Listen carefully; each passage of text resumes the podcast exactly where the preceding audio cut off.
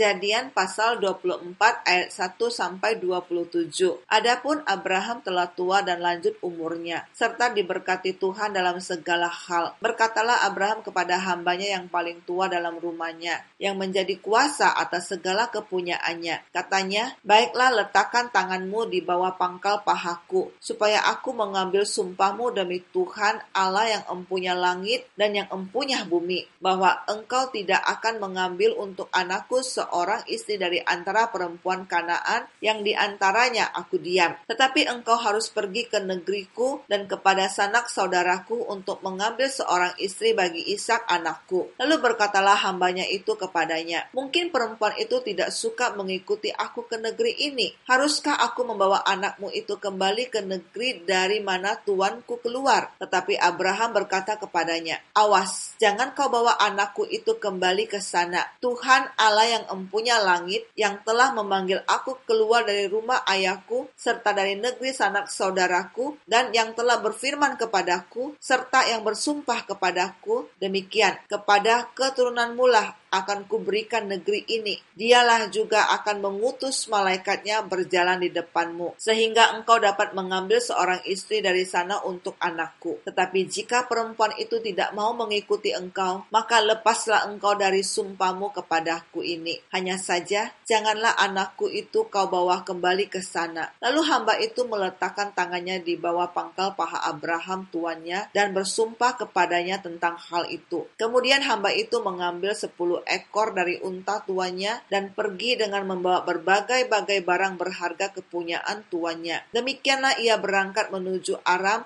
Mesopotamia, ke kota Nahor. Di sana disuruhnya lah unta itu berhenti keluar kota dekat suatu sumur. Di sana disuruhnya lah unta itu berhenti di luar kota dekat suatu sumur. Pada waktu petang hari, perempuan-perempuan keluar untuk menimba air. Lalu berkatalah ia, Tuhan Allah Tuanku Abraham, buatlah kiranya tercapai tujuanku pada hari ini. Tunjukkanlah kasih setiamu kepada Tuanku Abraham. Di sini aku berdiri di dekat mata air, dan anak-anak perempuan penduduk kota ini datang keluar untuk menimba air. Kiranya terjadilah begini. Anak gadis kepada siapa aku berkata, tolong miringkan buyungmu itu, supaya aku minum. Dan yang menjawab, minumlah, dan unta-untamu juga akan kuberi minum. Dialah kiranya yang kau tentukan bagi hambamu Ishak. Maka dengan begitu akan ku ketahui bahwa engkau telah menunjukkan kasih setiamu kepada tuanku itu. Sebelum ia selesai berkata, maka datanglah Ribka yang lahir bagi Betuel, anak laki-laki Milka, istri Nahor, saudara Abraham. Buyungnya dibawanya di atas bahunya Anak gadis itu sangat cantik parasnya, seorang perawan, belum pernah bersetubuh dengan laki-laki. Ia turun ke mata air itu dan mengisi buyungnya, lalu kembali naik. Kemudian berlalilah hamba itu mendapatkannya, serta berkata, Tolong beri aku minum air sedikit dari buyungmu itu. Jawabnya, Minumlah Tuan, maka segeralah diturunkannya buyungnya itu ke tangannya, serta diberinya dia minum. Setelah ia selesai memberi hamba itu minum, berkatalah ia, Baiklah untuk unta-untamu juga kutimba air, sampai semuanya puas minum. Kemudian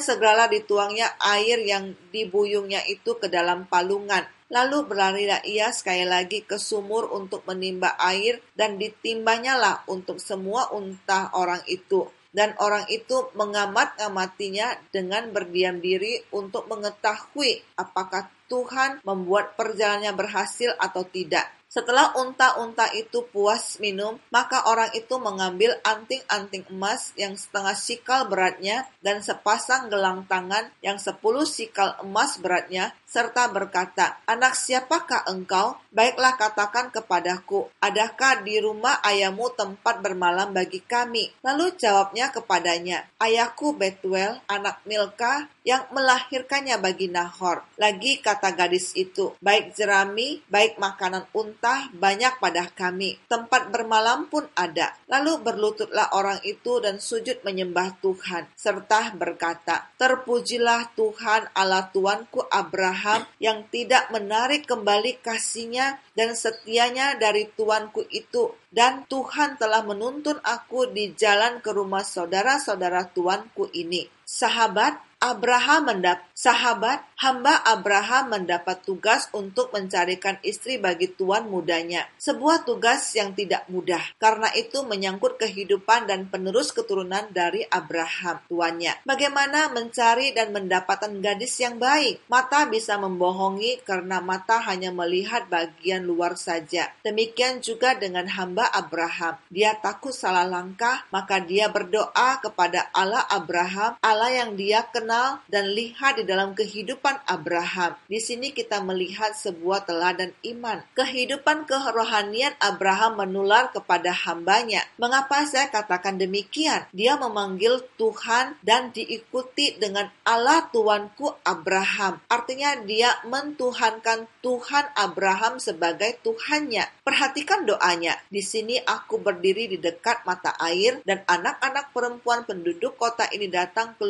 untuk menimba air. Kiranya terjadilah begini, anak gadis, kepada siapa aku berkata, tolong miringkan buyungmu itu, supaya aku minum, dan yang menjawab, minumlah, dan unta-untamu juga akan kuberi minum. Dialah kiranya yang kau tentukan bagi hambamu Ishak. Belum selesai dia berdoa, keluarlah Ribka, tidak dikatakan ada perempuan-perempuan lain. Coba bayangkan, jika dia selesai berdoa dan datang beberapa perempuan, anggap saja ada lima perempuan yang bersama-sama datang menimba air, yang mana yang harus didekati untuk meminta minum. Jika berkata kepada kelima perempuan itu, dan mereka berlima serempak memberikan minum kepada dia dan unta-untanya, bisa dibayangkan apa yang terjadi? Di dalam kelemahan kita, Tuhan menyatakan kasihnya. Di dalam keterbatasan kita, Tuhan menyatakan penyertaannya. Di dalam ketidaksempurnaan kita, Tuhan menyatakan pengertiannya. Lihat bagaimana Tuhan bekerja. Dia tidak pernah membuat kita bingung.